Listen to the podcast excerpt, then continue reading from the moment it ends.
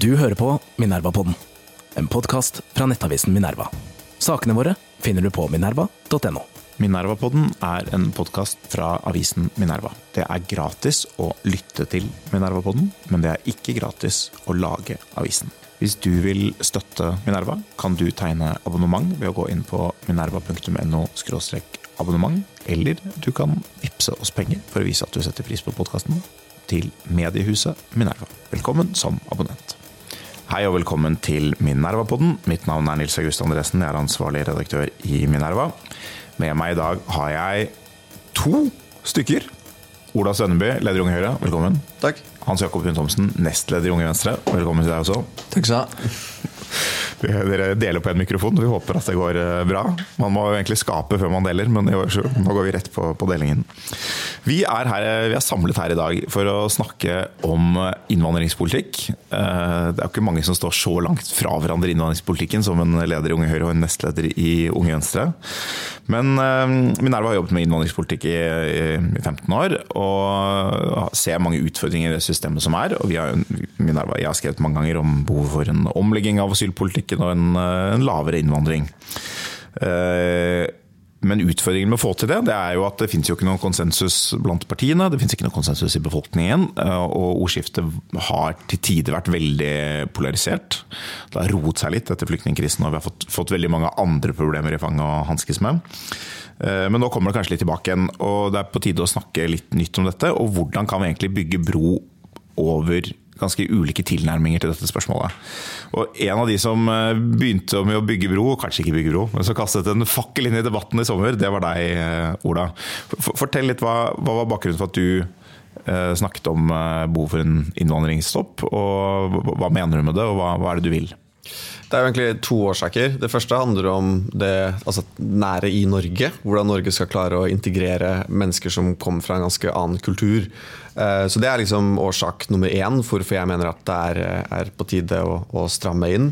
Og Det er jo egentlig bare å se til eh, Sverige akkurat nå, hvor det mest ekstreme eksempelet på hvor galt det kan gå dersom man ikke har kontroll på integreringen. Eh, og Nummer to handlet egentlig om de internasjonale forholdene. At vi har stått og står i en situasjon hvor Europa ikke har kontroll på grensene våre. Og Det er i utgangspunktet et problem for ethvert land eller en region. Men det er et ekstra stort problem når man står i den situasjonen som Europa gjør nå, med svak økonomisk vekst, kanskje økende utenforskap og blir mer isolert fra resten av verden. For det gir egentlig landet rundt oss en mulighet til å legge press og skape kaos internt i Europa, når Europa først og fremst trenger stabilitet.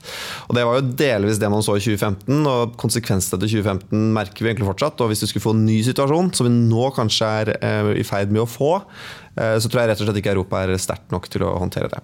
Så det var egentlig to største liksom, utgangspunktene for jeg mener at man trenger en strengere innvandringspolitikk. Men, men, hva vil du, Det er jo mange som ønsker en strengere, eller som ønsker at det skal komme færre innvandrere. Men hva, hvordan skal du gå frem for å få det til? Jeg mener at det liksom den flyktningbølgen man ser over Middelhavet nå, og at veldig veldig mange mennesker reiser inn i Europa, henger ekstremt tett sammen med måten vi praktiserer asylsystemet på. Altså mennesker som kommer til Europa og søker beskyttelse fordi at de har blitt forfulgt, som, som retten hvert fall opprinnelig er ment som. Eh, og Det kan man f.eks. se ved at det er jo dyrere for flyktninger å sette seg i en båt fra Libya og reise til Italia, enn det er å kjøpe en billett med Ethiopian Airlines som går direkte fra Addis Adeba til Oslo. Hvorfor flyr de ikke? Jo, fordi hele systemet er rigget sånn at man ikke ønsker flyktninger på europeisk jord, fordi man vet at det øyeblikket de setter føttene sine på europeisk jord, så eh, får de et, rett, eh, et gitt sett med, med, rettigheter. Eh, og Vi har ikke lov til å kaste de ut, vi har ikke lov til å sende de andre steder. Da er vi forpliktet til å beholde de i Europa. og jeg mener at Den dynamikken bidrar til å opprettholde veldig store flyktningstrømmer inn i Europa. Og så den både store forskjellen mellom alle de menneskene som i og for seg kunne trenge beskyttelse, men som ikke kommer seg til Europa, de har ingen rettigheter. Men de som kommer til Europa, de har masse rettigheter. Enten de faktisk har beskyttelsesbehov eller ikke. Så er de på en måte fullt omfattet av rettsstatens ganske rause rammer. Ja, og det er, det er jo liksom en catch 22-situasjon for Europa. egentlig, for at, Man sier at hele systemet liksom er rigga for at de skal ikke sette føttene sine på europeisk jord. Og Det er egentlig en gavepakke til de som driver med menneskesmugling. Det er en gavepakke til det, det bidrar til å opprettholde flyktningstrømmer som er veldig veldig farlige, og setter sivile liv i, i, i stor fare. Men nå antar jeg at Din løsning på dette er ikke å gi alle sammen en lettere tilgang til europeisk jord. Nei, er så, så du må forklare litt grundigere hvordan, hvordan endrer vi dette? Ja, jeg tror ikke det er ett svar på det. Jeg tror eh, For det første så er det viktig at man vedlikeholder eller opprettholder eh, den plikten vi har til å gi mennesker beskyttelse. Spørsmålet er hvordan den beskyttelsen skal gis. For det står ingenting i flyktningkonvensjonen at de, den beskyttelsen må gis i Europa. Og Det handler for det første da om at man må kunne gi beskyttelse i nærområdene. F.eks. at man aktivt ville gått mer inn i la oss si Libanon da, under flyktningkrisen i 2015 og kunne gitt de, eh, de som har blitt forfulgte, de rettighetene de har krav på der. Det er én løsning som nok i tillegg til at man kan se på beskyttelse i tredjeland. Altså F.eks. at hvis man flykter fra eh, borgerkrigen i Kongo, så kan europeiske land med både midler og, og, eller penger eh, betale for at man får beskyttelse i andre afrikanske land. Det er to steder man kan starte. Når det gjelder Middelhavet helt konkret, så mener jeg at vi kommer nok til et tidspunkt, selv om det er politisk ukorrekt og ganske ubehagelig, at vi burde se til hva Australia gjorde, rett og slett. Eh, hvor de eh, sendte mennesker med beskyttelsesbehov ut av Australia og sørget for at, for at konsekvensene ved å ulovlig ta seg til Australia, var at man ikke fikk oppholde seg på australsk jord. Det er et ytterliggående standpunkt, men det førte faktisk til at båtflyktningbølgene til Australia stoppet opp. Eh, Og det mener jeg i hvert fall her bør være et selvstendig poeng for Europas del også. Ok, svakere rettigheter, færre innvandrere, se til Australia. Vi går til deg, eh, Hans Jakob. Ja. Dette er ikke Unge Venstres politikk. Hva er dine? Du skrev eh, tilsvar i Minerva til Olas utspill. Hva, hva er din du kan begynne med sånn, hva er din problemforståelse, og hva er din kritikk av Olas tiltak? Ja. Nei, altså Ola kommer jo med noen tiltak på en måte litt i, i norsk kontekst, da, og det er litt mitt utgangspunkt her. Og da er jeg jo først og fremst er jeg jo litt uenig i selve premisset. Og litt av premisset er at integreringen eh, er på feil sted. At vi som Ola sier, vi får et samfunn som er i ferd med å falle fra hverandre. Og det er liksom eh, jeg tror enhver diskusjon um, om politikk må handle om realiteten, om virkeligheten vi står i nå. Og klart at Jeg er veldig åpen om at innvandring medfører noen betydelige utfordringer. Det kan vi ikke skyve under en stol. Men klart at det, går, det er mye som går i riktig retning i Norge. Um, så Det er på en måte det ene. Og det andre er jo litt om selve løsningene, da, som Ola skisserer om å ta imot null kvoteflyktninger og endre på hele asylsystemet og begrense familiegjenforeningen.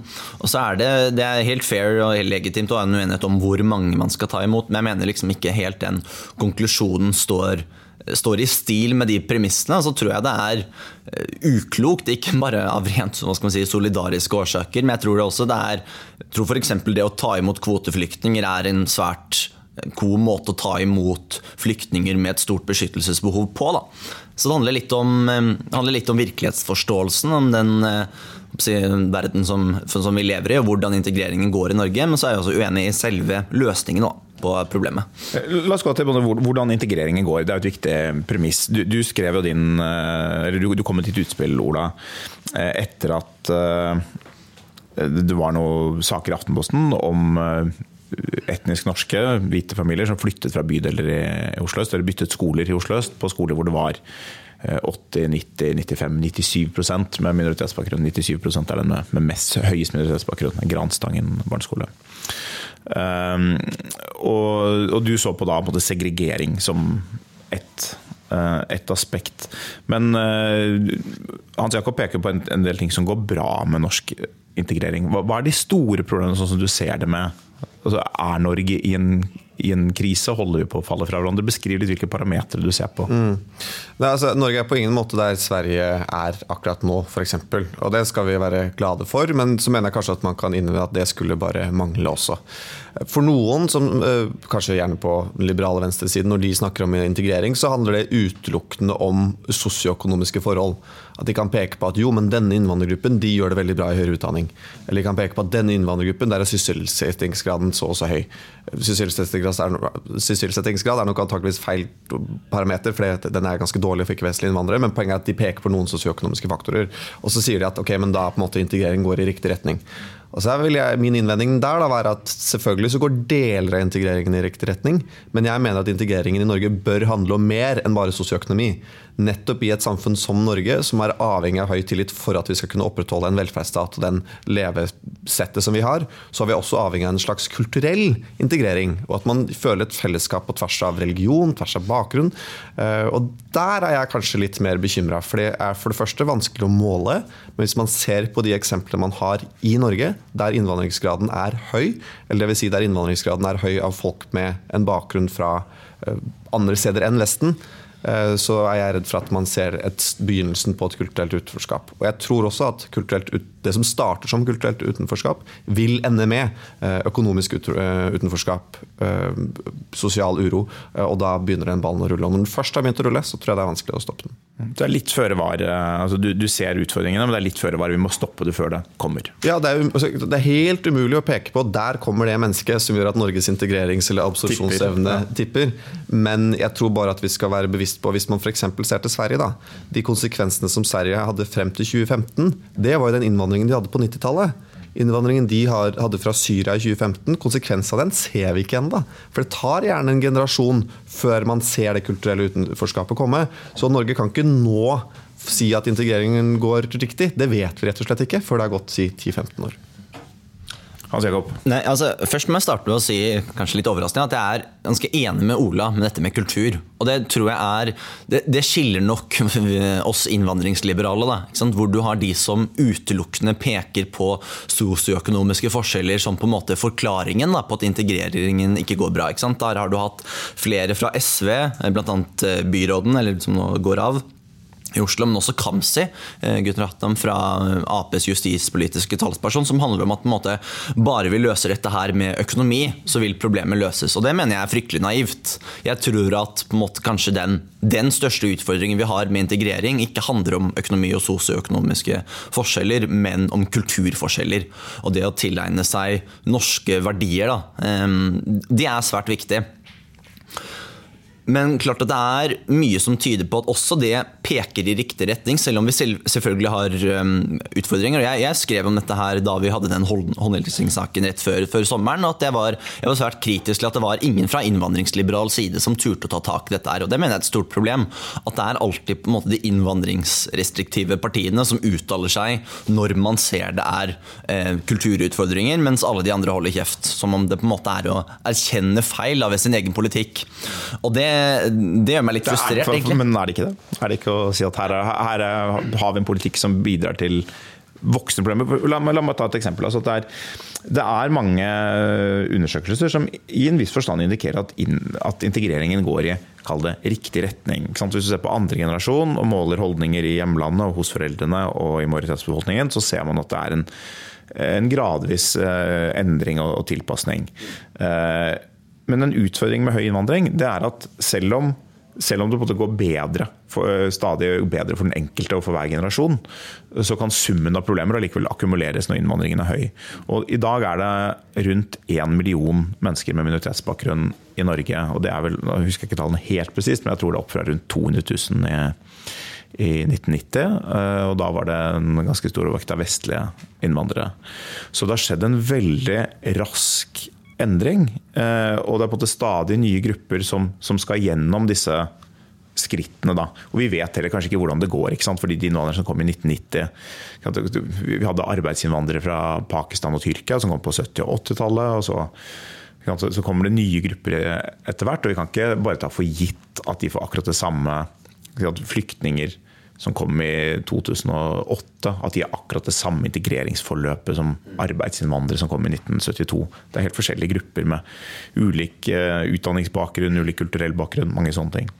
Så, så når du sier at det går i riktig retning, og at eh, du, du, peker på i din artikkel også, Hans Jakob, at er, eh, nordmenn er stadig mer positive til innvandreres bidrag i økonomien, og sånt, som på en måte ikke er så rart, fordi man ser jo stadig flere det er stadig flere personer med minoritetsbakgrunn som bidrar i økonomien og på, på, toppnivå. og sånne ting. Men det er ikke til hinder for at det også er et økende utenforskap i rene tall. At det er økende på det faktiske eh, problemer nettopp knyttet til det sosiale limet. Er innvandringspolitikken bærekraftig i det perspektivet? Mm. Nei, altså jeg tror ikke vi kan på en måte verken Ole eller kan på en måte ta, plukke ut enkelte tall til å på en måte forsvare vårt narrativ. Det, det, tror jeg er viktig. Og jeg er helt enig med det som Ola sier, at man kan på en måte ikke se på det på hvert enkelt år da, si at nå går det bra, nå kan vi ta imot mange, og så, så går det fint. Klart at Dette er jo en, dette er en konsekvens som man, det tar ganske lang tid da, før man ser resultatet av, av politikken. Eh, som, som, mye annen politikk. da. For eksempel, det er ikke så lett å måle skolepolitikken etter ett år. Det tar gjerne 10-15 år da, før du virkelig kan se resultatene. Så det tror jeg vi skal være forsiktige med. da. Men, men for å bare nevne litt konkrete eksempler, så kommer jo integreringsbarometeret ganske nydelig for, for tall for 2022. og Der nevner man bl.a. at sysselsettingsgraden øker, og mer blant innvandrere enn resten av befolkningen. Det er stadig flere som fullfører høyere utdanning. Det er større sosial mobilitet blant barn av innvandrere.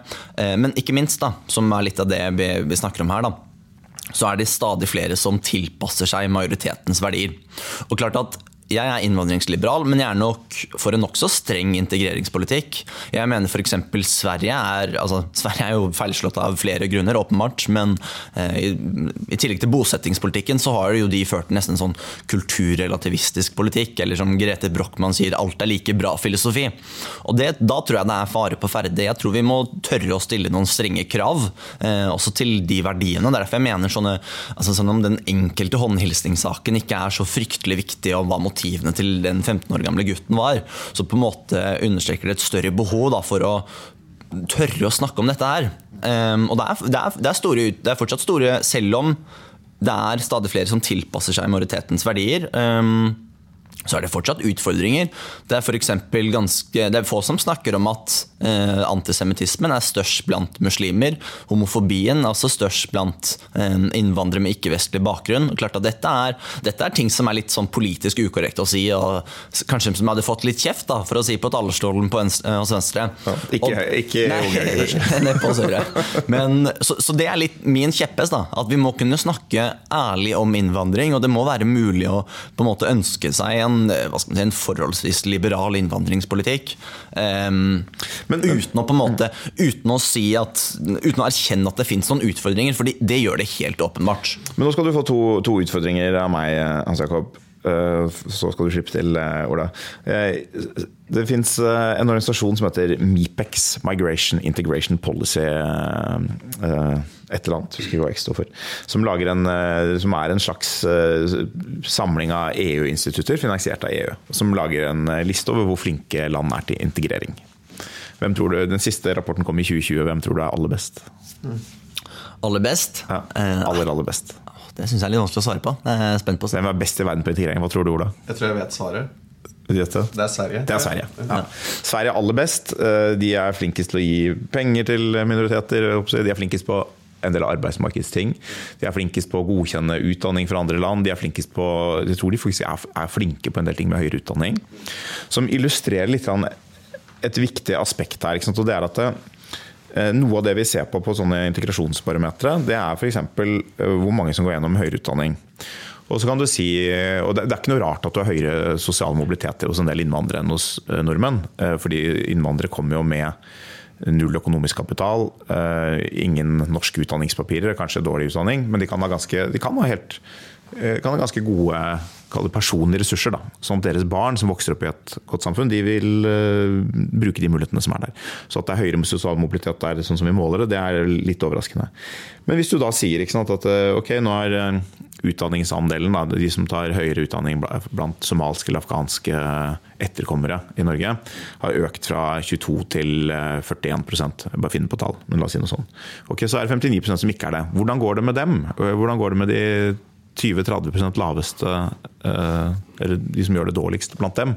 Det er jo der disse utenforskapsproblemene i Sverige virkelig er. Og Du ser også det i, i en del av disse innvandrertette bydelene, både i Sverige og, i Norge, at vellykkede innvandrere flytter ut.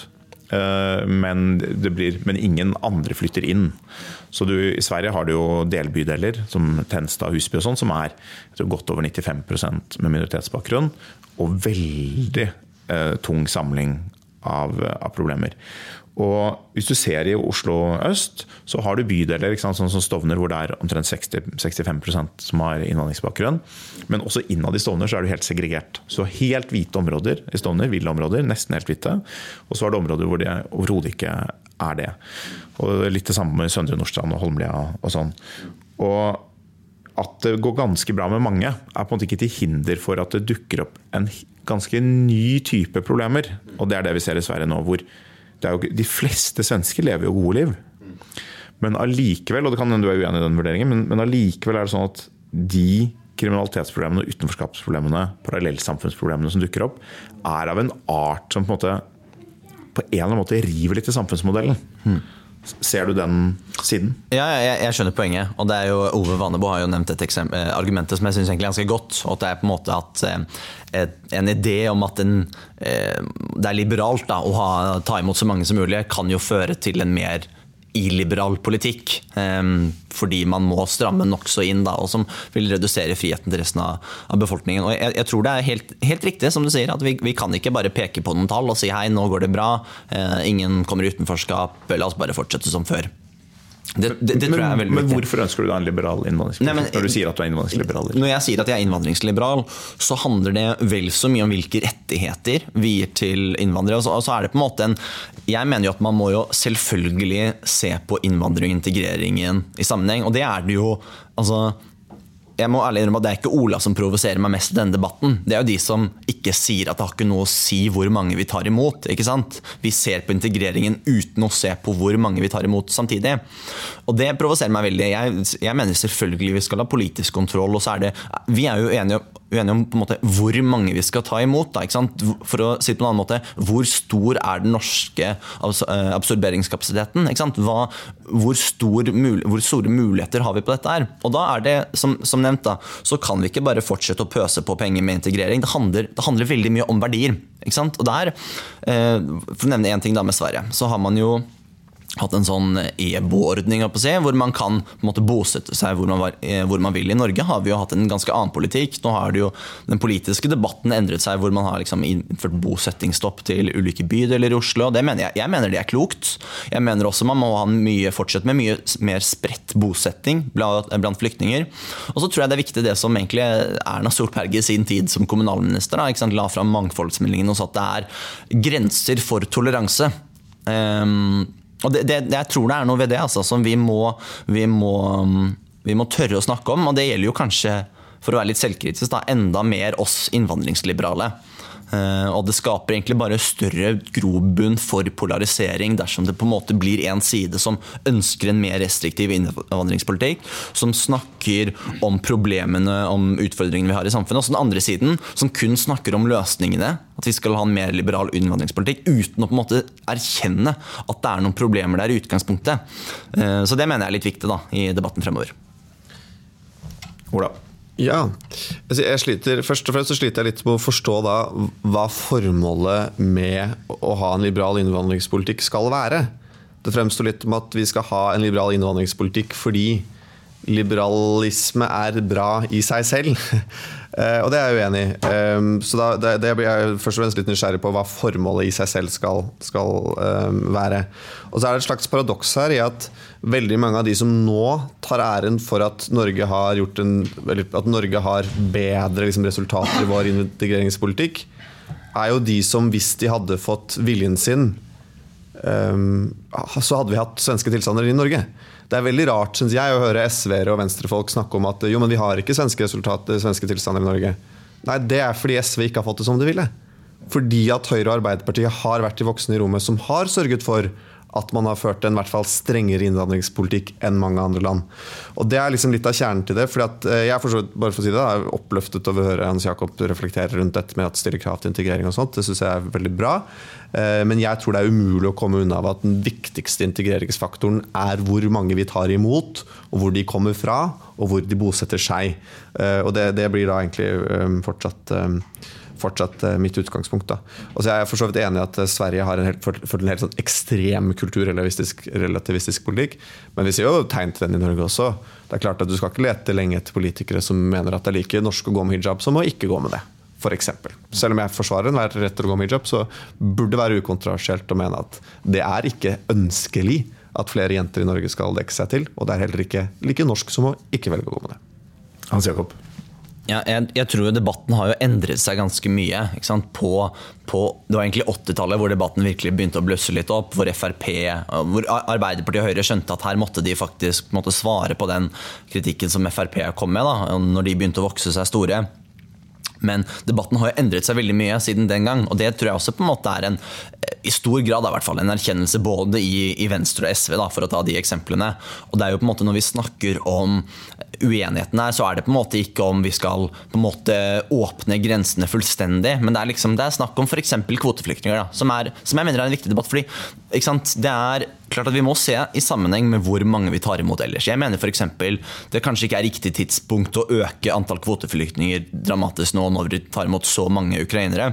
Men Ola foreslår å ikke ta imot noen i det hele tatt. Og det mener jeg er lite klokt, fordi kvoteflyktningsordningen er en av få trygge veier. Svar På, på utfordringen til Ola. Altså, hva, når du sier at du er tilhenger av liberal innvandringspolitikk, er det, hva er årsaken til at du sier det? Er det fordi du tenker det er bra at for Norge at det kommer mennesker, det bidrar med noe dynamikk eller mangfold? Er det fordi det er riktig å la mennesker få lov å flytte på seg globalt, eller er det fordi det er riktig humanitært med tanke på flyktninger og sånn? Altså, eller er det en kombinasjon? Nei, altså det er, det er en kombinasjon, da, men det handler jo en, og så handler det litt om ansvaret. Jeg tror at i en felles verden med globale utfordringer, så må alle ta litt del av ansvaret. Der mener jeg Norge har gode muligheter til å ta imot flyktninger eh, med med beskyttelsesbehov som har flyktet fra krig og elendighet. Og det er klart at det er det er også en sammenheng med hvem vi tar imot. Det tror jeg ikke vi er til å unngå. Jeg, et, jeg, det, altså jeg er jo enig med prinsippet om at det er lurt å hjelpe eh, hjelpe folk i nærområdene der man er likere kulturelt, f.eks. Det, det er jeg helt enig i. Men klart at det er ikke noen motsetning mellom å hjelpe i nærområdet, som vi selvfølgelig må gjøre. Det er Nysodal er vel 110 millioner flyktninger. Det er helt åpenbart at Norge ikke kan hjelpe alle dem. Så jeg mener at vi, vi bør øke hjelpen til nærområdene til flyktningleirer, men samtidig erkjenne at vi har et ansvar ikke sant, for, for de kvoteflyktningene, bl.a. Um, men, men, bare for å forstå det helt riktig, da, Jacob, betyr det at du i en, i en slags ideell verden, mm. hvis du kunne bestemme hvordan verden var hvis, hvis, det da var sånn i ti år at det ikke kom noen flyktninger til Norge, de søkte seg andre steder, eller Sør-Korea tok plutselig et ansvar og tok imot alle sammen, og det kom ingen til Norge med de reglene vi har, så vil du på en måte være fornøyd. Du vil ikke si ok, da må, vi, nå må vi ha noen tiltak for å få i gang innvandring, for vi er innvandringsliberalere. Du, er, du ville vært fornøyd med null innvandrere nei, i ti år, eller nei, ikke? Nei, men jeg mener Det som har noe å si, er om det er en rettferdig ansvarsfordeling. Ja, men, mener, men, Hvis det var rettferdig, så ville du vært fornøyd med det. Det er ikke sånn at målet men, er Men jeg ville jo sagt at det ikke er særlig rettferdig dersom vi ikke hadde tatt imot noen som helst. Vet du hvor mange asylsøkere som kom til Sør-Korea under eh, flyktningkrisen? Jeg vet at det er veldig få, både Sør-Korea og Japan f.eks. Og, og og det er, jeg tror det var 28. Bare. Ja, det, og det er, men, men det er klart at det er viktig.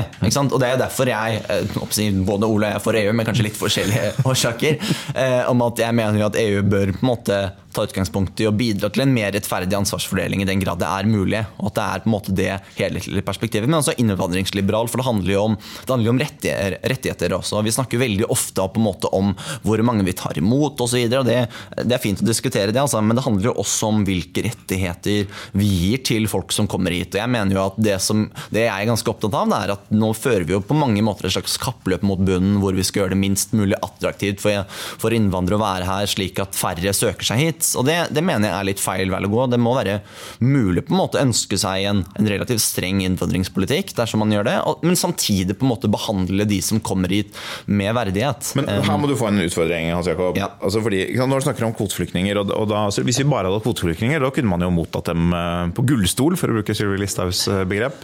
Og det ville kommet akkurat så mange som vi bestemte. For Norge bestemmer hvor mange kvoteflyktninger som kommer. Men uh, asylsøkere bestemmer jo ikke vi hvor mange som kommer. og Der er det et komplekst eller dette settet med regler som Ola snakker om, som, eh, og rettigheter som de har i det asylsøknaden er levert. Mm, mm. Og Jo mer attraktivt det er å komme til et land, jo flere kommer det det. Det vet vi.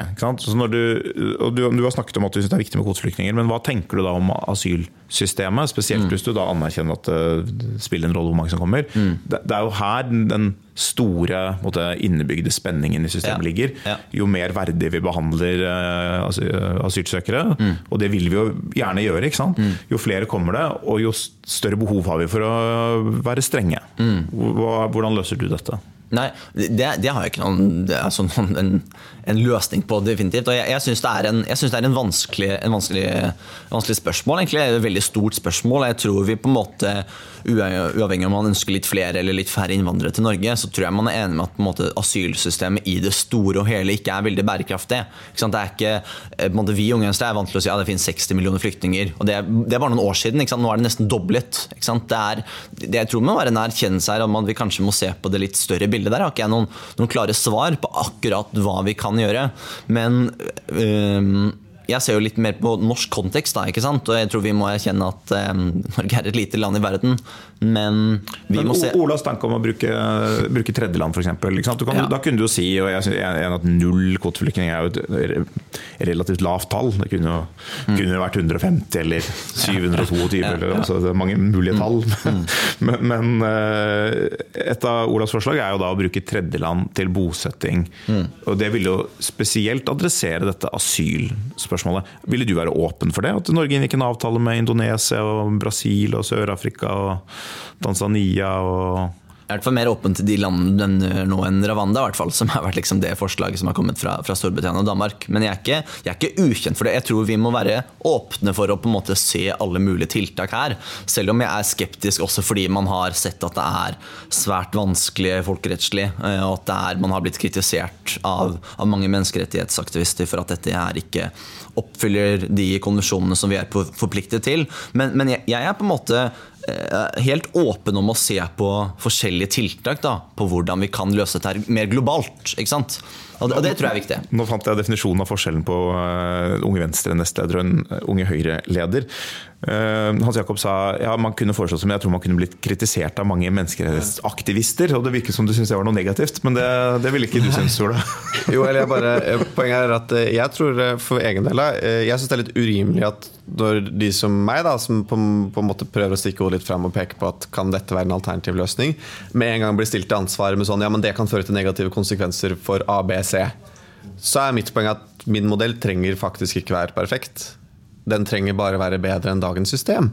Og det mener jeg ganske innstendig at, at, den vil være. Og så er jeg enig med de bekymringene som Hans Jakob har med rettighetene til de som søker asyl, hvordan vi skal forholde oss til, til regimene og styresmaktene i de tredjeland hvor vi eventuelt skal gi beskyttelse. Men hvis jeg bare kan adressere dette med et globalt ansvar. For det synes jeg på et eller annet tidspunkt så, så mener jeg at det, det får være grenser for hvor mye selvpinning vi skal drive med i Europa. For det er nokså meningsløst å påstå Eller for å si på en annen måte. Jeg tror ikke du finner noen andre land eller noen andre regioner enn dagens Europa og dagens USA som har brukt så mye penger, ressurser, politisk kapital og egentlig nestekjærlighet på å ta imot mennesker som flykter fra annen kultursfære i historien ever. Vi har tatt vår del. Virkelig, på alle mulige måter. Eh, og i den grad man skal snakke om globalt ansvar, så én ting er liksom land som Sør-Korea og Japan, som ligger nokså geografisk og kulturelt isolert. Kina også. Men hva med Saudi-Arabia? Samme språk, samme kultursfære, tar ikke imot noen. Egypt svært få flyktninger. Afrikanske land svært få flyktninger. Så i den grad man skal snakke om et globalt ansvar, så handler det i svært liten grad om Europa. Europa kunne sagt vi har tatt vår andel. Nå må resten av land steppe opp sitt, sitt, bidrag. Og så er argumentet at eh, Europa har bidratt på den og den måten til å opprettholde flyktningkriser, enten det er Libya eller Irak eller hva det måtte være. Eh, det er et eh, argument jeg ikke kjøper. Og når det kommer til økonomi også, så er jo snart Midtøsten i ferd med å dele av Midtøsten til å i ferd med å forbigå Europa i, i rikdom. Og så er det dette argumentet med at Norge er et veldig rikt land. Ja, og selvfølgelig penger hjelper.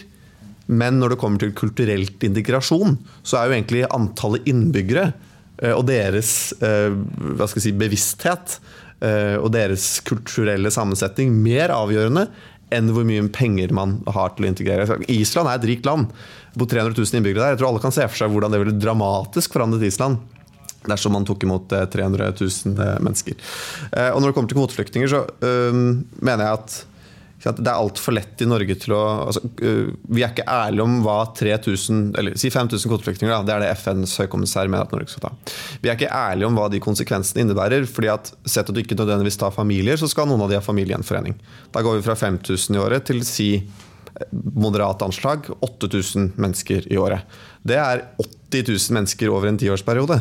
altså en middels norsk by som i hvert tiår skal skal ta imot.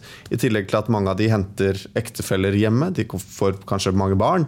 Eh, og da er det regnestykket plutselig veldig annerledes. At man snakker om at det, det er en, en, en, liten andel, for det er det veldig veldig eh, sjeldent.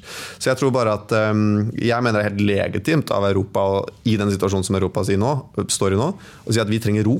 Vi trenger stabilitet, og vi er, har faktisk enorme utfordringer i våre egne hus som vi må løse før vi er klare da, til å gjenoppta en ganske stor, eh, stor innvandringsandel. Altså, AFD ligger på 20% i Tyskland nå.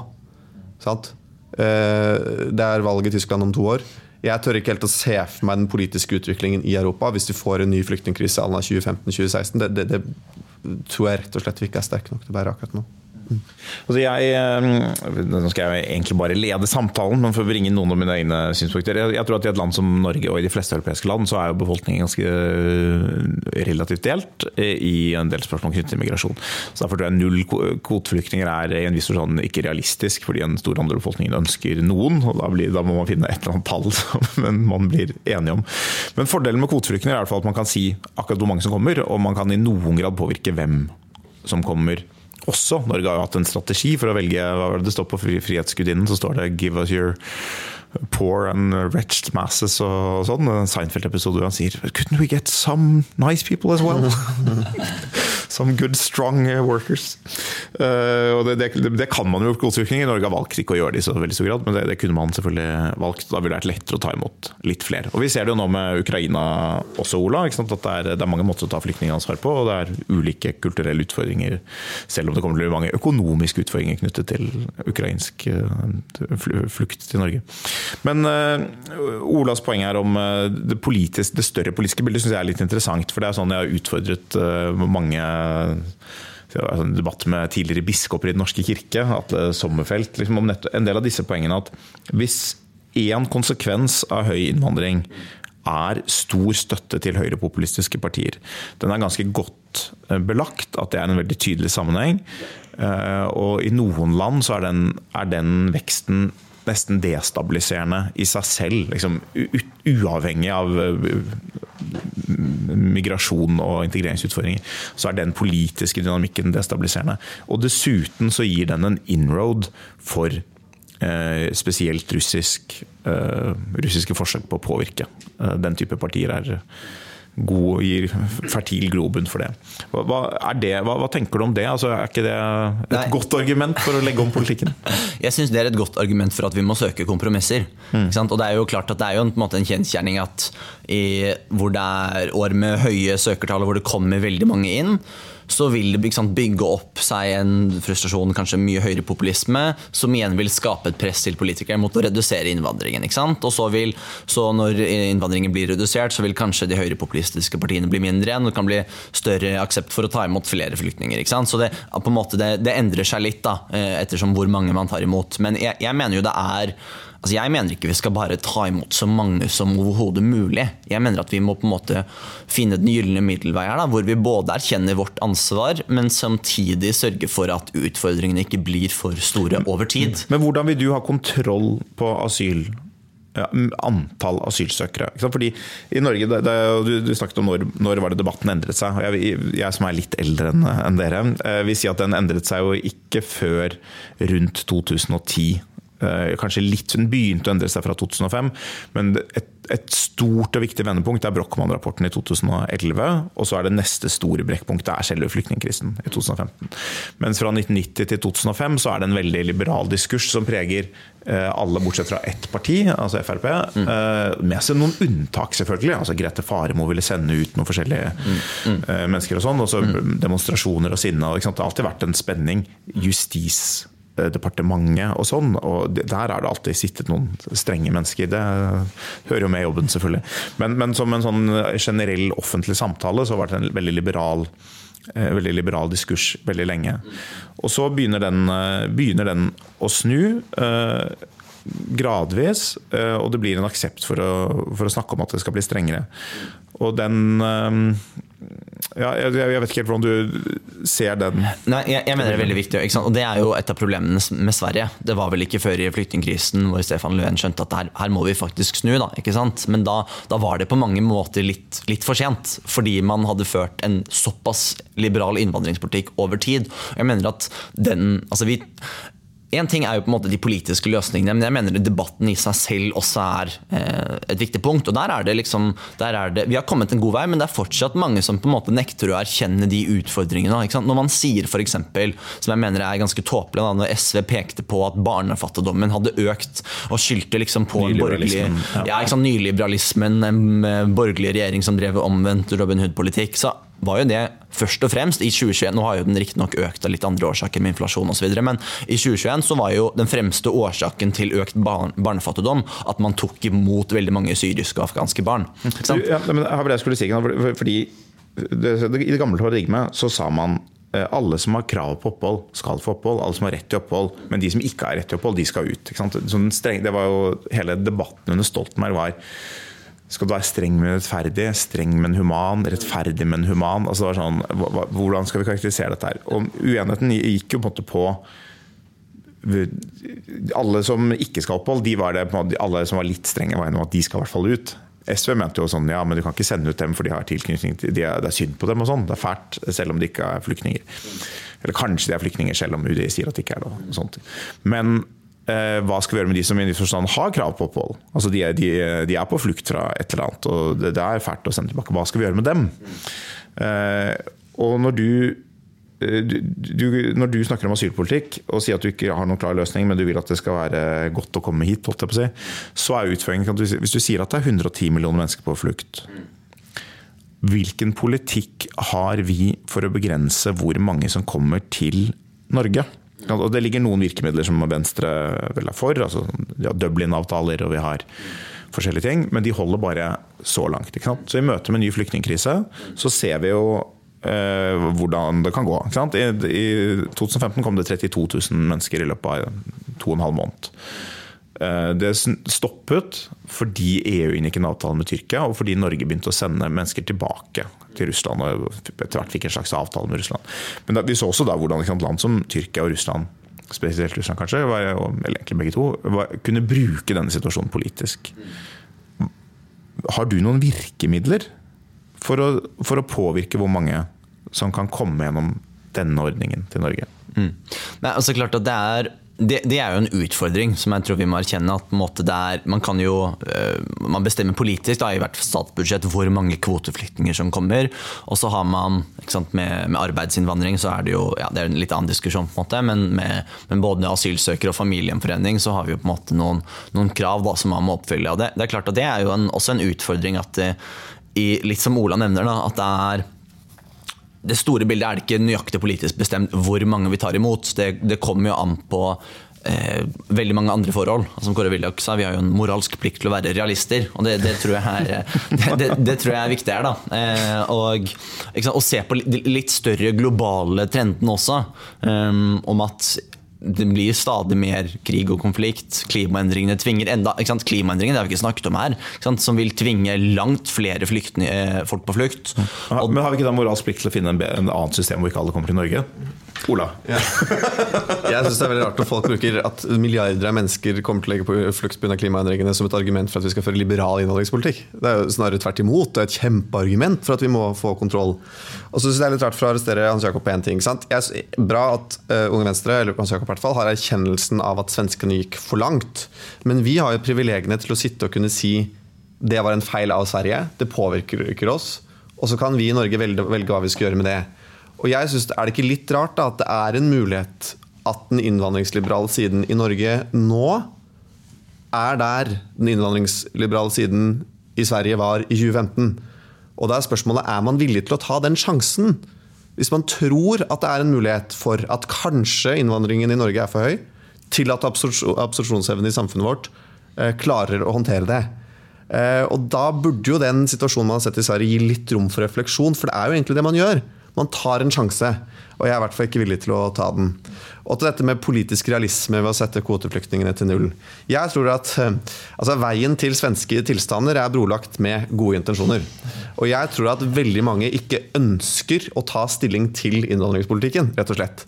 For nesten hvor høy, uavhengig av hvor høy innvandringen har vært i Norge, så er det den samme andel som har sagt at innvandringen til Norge er akkurat passe høy. Mm, perfekt. Eh, akkurat passe høy. Og så er det også et spørsmål om politisk lederskap. Da, rett og slett Om man er villig til å gå foran og, og liksom kjempe for det man er, mener er riktig.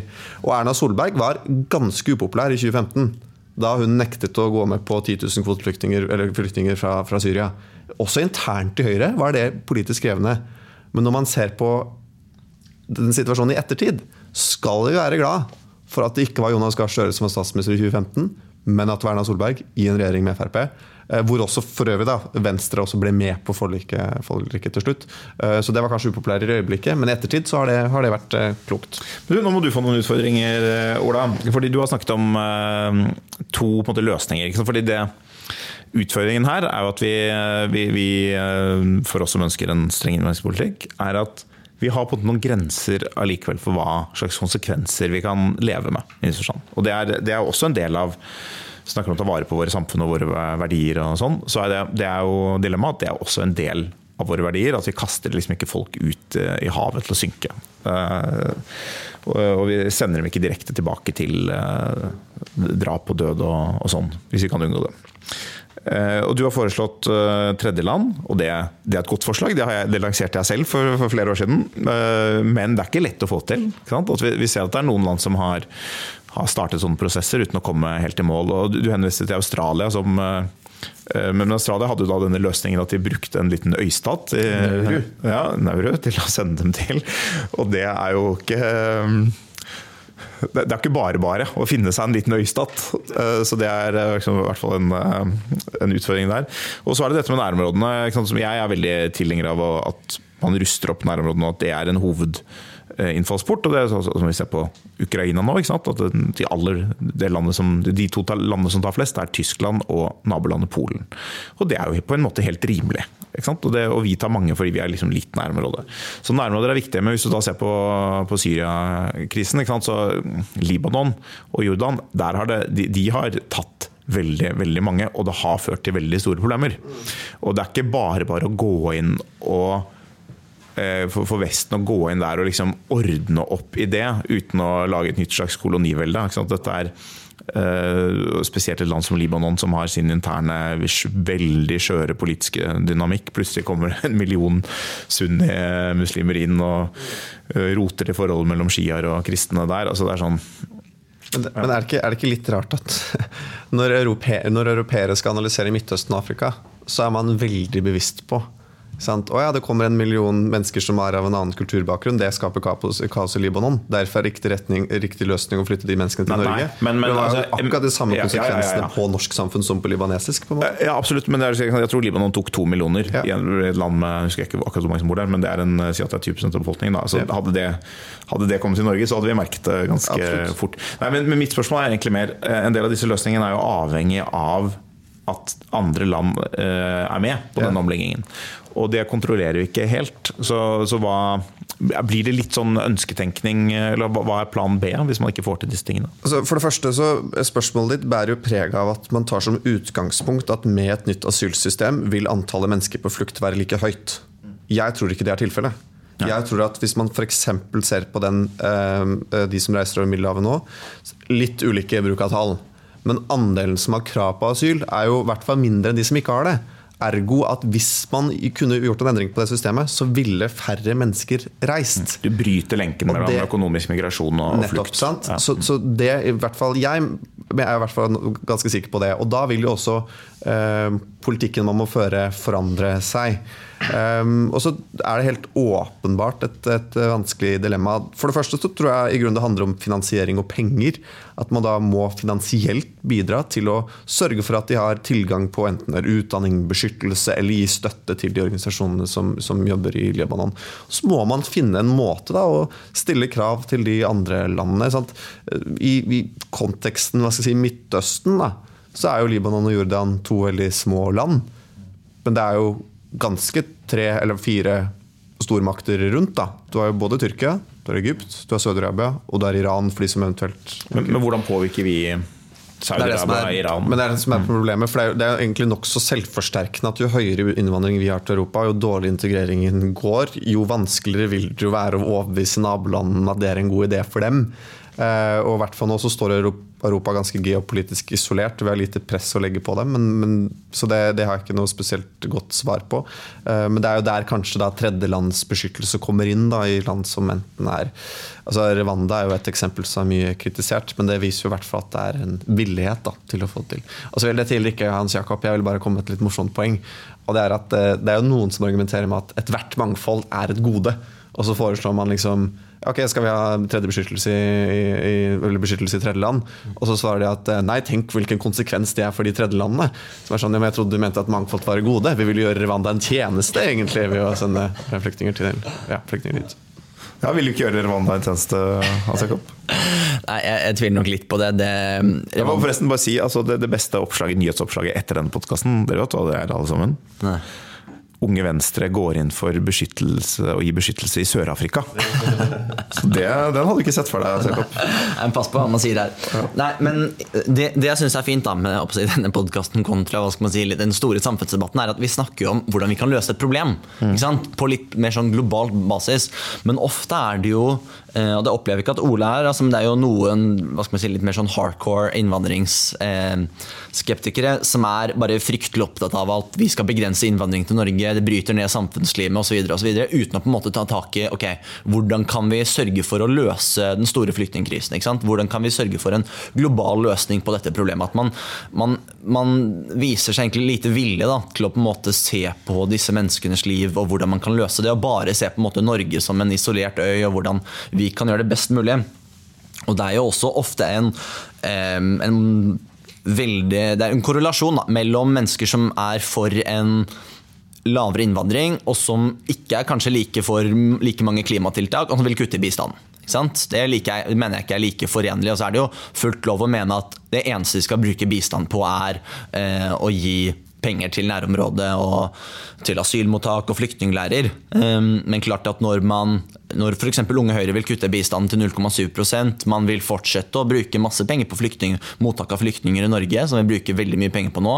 Vi skal ha klimafinansiering. Um, det er liksom Man har penger til en god del formål. og Da lurer jeg litt på hvor skal, hvor skal disse pengene komme fra? Da?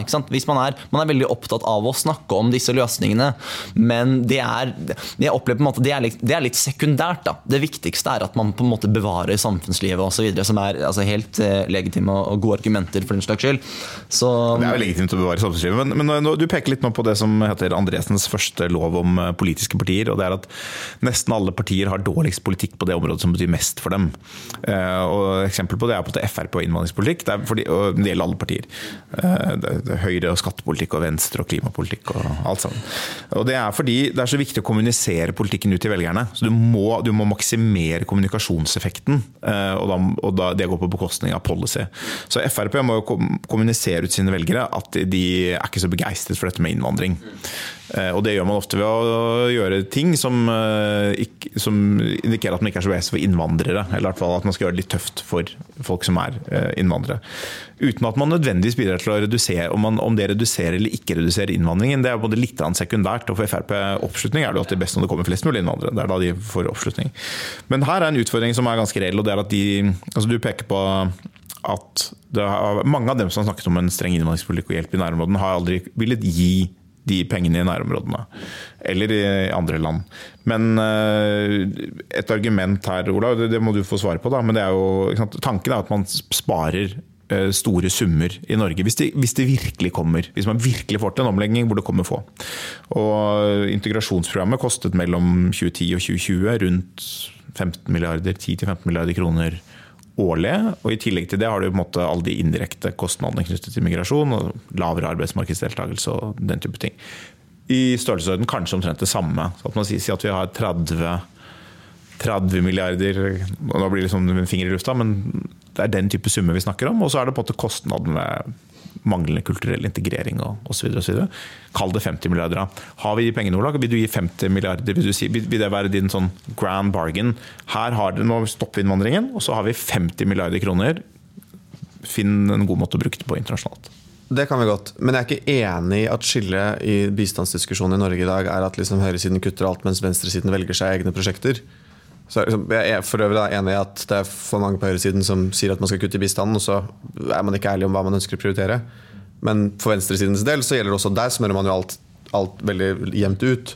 Og jeg, det jeg kanskje er mest uenig i hva gjelder venstresidens bistandspolitikk, er forståelsen av hva Europas rolle og posisjon er i verden i dag. For Hvis man først skal snakke om pengebruk i verden, da, så tror jeg kanskje man skal stikke fingeren litt i jorda. Um, og vurdere hva slags reell påvirkningskraft vi faktisk har rent politisk, kulturelt, men også økonomisk. Altså jeg kom nettopp, for å ta ett eksempel, jeg kom nettopp fra Malawi og på tur der med de andre ungdomspartiene, med UNICEF, Gavi og Globale fondet. Mellomlandet vi i Addis Abeba. Alle skiltingen på flyplassen i Addis Abeba er på amarisk, engelsk og kinesisk.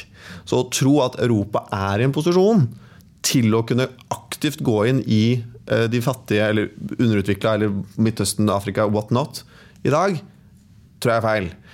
Riktig måte å gjøre det på er, og jeg kan godt ta utgangspunkt i 50 milliarder, at du må kanalisere de ganske stramt. Men da vil det gå på bekostning av noe. Og hver eneste gang det har vært noen på høyresiden da, som har foreslått at ok, kanskje litt av bistandsbudsjettet skal brukes på ukrainere, eller kanskje litt av bistandsbudsjettet skal brukes på syrere i Syria, så er det venstresiden som har vært imot. Eh, så jeg, bare, jeg er for øvrig enig i at Frp burde ha interesse å ta de milliardene det beskyttelse til flyktninger. Men Europa er, er ikke posisjon som venstresiden av og til beskriver, eller i denne konteksten er Venstre et venstresideparti. Eh, I posisjon til å kunne gjøre det. Da, da, må vi i hvert fall gå all in samlet på å si at dette er de viktigste prioriteringene for Europa. Da satser vi på Libya, Tunisia, Egypt og midt, liksom, kjerne-Midtøsten, og, og sørger for at befolkningsstrømningene der stopper. Da. Hørtes det lurt ut, eh, Hans Jakob? Nei, altså Jeg er veldig for at man skal ha en mye mer effektiv bistandspolitikk. Det er noe jeg jobber med nå i Civita.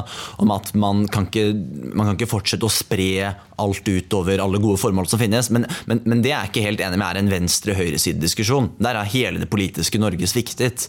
Vi, altså, ja, bistand fungerer, bare for å ta det veldig kort, men det er en en enorm forskjell mellom ulike bistandstiltak. Altså Det kan være 100 ganger forskjell mellom det ene tiltaket og det andre. og Da tror jeg vi må ha en ærlig diskusjon om at vi ikke kan fortsette å prioritere sant, alt mulig. Eh, om at måte, vi, har, vi har en, en, slags tankegang da, om at bistand kan på en måte innføre liberale demokratier over hele verden i et budsjett som er halvparten av Oslos budsjett. Det, det, er en, det, er en, fryktelig naiv tankegang.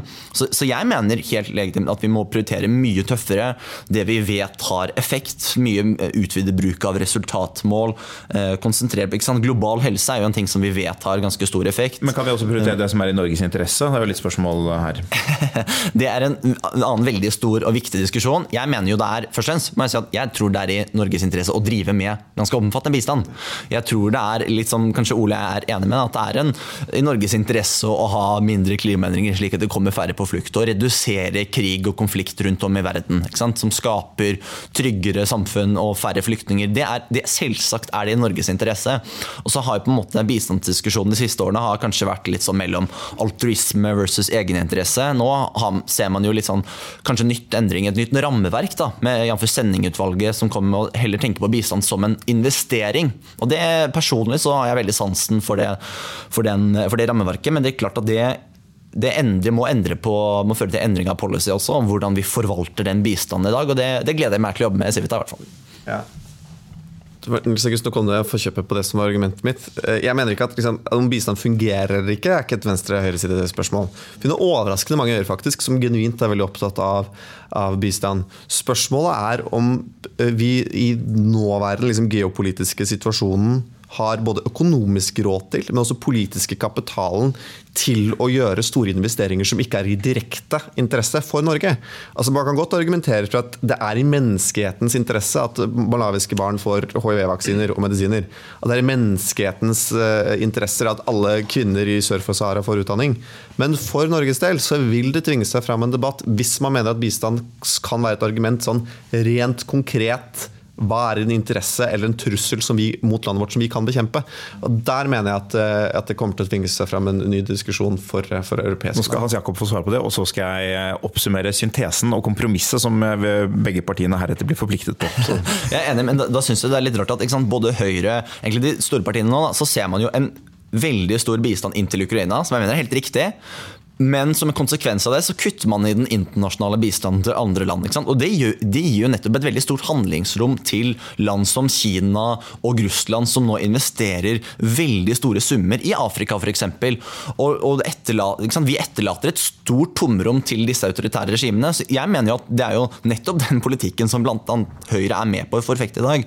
Hvor man sant, kanaliserer mye mer av bistanden inn i både klimafinansiering, som i og for seg er riktig, men det bør, det bør skilles mellom sant, tradisjonell fattigdomsbekjempelse og globale fellesgoder, men også mye penger til mottak av flyktninger til Norge og til Ukraina. Og da, da, kutter man i bistanden til andre formål, som nettopp hadde vært men, men, i både deres interesse og vår egen interesse. Her, før jeg observerer, så bare jeg å utfordre dere begge på det her. For det, dette er en sånn interessant sak med venstresiden her i opptatt partiet Venstre og KrF. Vi, må kunne prioritere bistand. Og så dukker det opp et eller annet punkt da, som alle er enige om at man skal prioritere. Og så blir kravet fra Venstre umiddelbart ja, men det må ikke gå på bekostning av det andre. Da må vi ha, det må være tillitsbevilgning. Så hvis det skjer noe i Ukraina ja, da må det ha, og Syria, da er tillitsbevilgning. Men øh, hva betyr prioritering? Altså, jeg skjønner ikke helt dette. Altså, betyr det at vi skal ha 1% til de tingene vi gjør akkurat nå, og alt annet vi gjør i tillegg, det må komme i tillegg? Eller misforstår jeg litt nå? Jeg, jeg, jeg, jeg, mener at man trenger et mye, mye tydeligere skille. ikke sant? Og Noe som Sendingutvalget foreslår som har fått stor oppmerksomhet, er jo nettopp å skille mellom globale fellesgoder og tradisjonell fattigdomsbekjempelse. ikke sant? At man skiller mellom det som er liksom humanitær nødhjelp her og nå, slik som Ukraina, men samtidig litt mer langsiktig bistand. Og det er klart at Da er diskusjonen at vi har Tidligere så har vi eh, Det var vel Astrup da, som, som la frem denne reformen, eh, bistandsreformen da han var utviklingsminister, at nå skal vi konsentrere bistanden. Og det var liksom på 65 land. da, det, det, er ikke mye konsentrasjon. Jeg mener vi trenger en mye tøffere prioritering, både med antall land, antall mottakere, men ikke minst også prosjekter og formål. Og Det er litt problemet, bare for å avslutte med det, da, at det er liksom en sånn, det blir, det er Dag Inge Ulstein har én prioritering, Nikolai Astrup har en egen prioritering, nå kommer Tvinnereim og skal prioritere matsikkerhet. Fremfor å på en måte legge fra seg kjepphestene, se hva, hva er det Norge kan bidra med av kompetanse og ressurser, og, og peke seg ut noen formål som vi vet vi kan gjøre mest mulig forskjell eh, på. Da. Og det, det, er den ærlige diskusjonen vi trenger, men da må vi legge fra oss de kjepphestene vi gjør i dag. Nå er vi på vei inn i en bistandsdebatt, og det skal vi ikke gjøre. Men Ola, bare helt kort. Altså, hvis vi kutter eh, all bistand, eller bruker all bistanden vår på flyktningmottak i Rwanda, gir, vi ikke et stort spillrom for Kina? Altså, du, sier, du, snakker om Vestens reduserte rolle, vi må stikke fingeren i jorda. Helt enig. Men betyr det at vi skal kapitulere allerede, allerede nå? Eller? Situasjonen nå er jo at kineserne slår oss på absolutt alle parametere. At det skal være såpass ærlig at Dagens Europa kan ikke konkurrere med Kina på alt. Og det er spørsmålet eh, Skal vi da eh, på en måte prøve å ta opp konkurransen med kineserne på alle områder? Det ville vært ideelle, men jeg tror det er relativt usannsynlig. Eh, det er hva si, Fordelen med å være et autoritært regime. at Du trenger ikke å gå til valg på hvor mye penger eller fotballstadioner du skal bygge i Malawi eller Nigeria. eller hvor det måtte være. Og der tror jeg Mitt poeng er at hvis vi skal konkurrere med kineserne, så må vi én kanalisere det sammen med resten av Europa på noen utvalgte områder. Det gjør man dels i dag. Sant? Kineserne bygger fotballstater vi gir vaksiner. Men ikke minst nummer to. Um, vi må også kunne gjøre det som er helt konkret i Norges interesser i mye større grad. Og vi er ikke i en situasjon hvor vi kan ignorere de truslene mot våre interesser på samme måte som vi kanskje har vært de siste 20-30 åra. Takk, men vi får lov å fortsette å gi vaksiner da, sammen med EU. Da har jeg, da dommeren nå oppsummerer kampen. Uh, da, altså det, det, er jo Ola vant jo, på en måte. Eller, jeg føler at Vi, vi, kom jo til en konsensus hvor Hans Jakob var enig om at uh, vi sender dem ikke til Rwanda, men nesten alle andre land går bra. Så da blir det vedtaket der. Vi, vi begynner å sondere på tredjelandsordningen. Selvfølgelig i nærområdene, men med de begrensningene de har. Eh, og så bruker vi 50 milliarder eh, fra det vi sparer på at vi endrer, legger om hele asylordningen her. Det bruker vi på, på disse tingene. Men så får Hans Jakob en sånn delseier. Da. At, vi, at det, det, er på en måte mye friske penger, så vi beholder en del av den tradisjonelle bistanden i tråd med sendingutvalget. Så vi til sammen så bygger vi borti 100 milliarder kroner internasjonalt. Ganske raust. I bytte mot eh, null innvandring, da. Eller lav innvandring, Hans Jakob. Så det, det, da har dere kompromisser dere kan ta tilbake til partiene. Takk for at dere kom hit i dag. Takk for en fin samtale. Takk. Takk.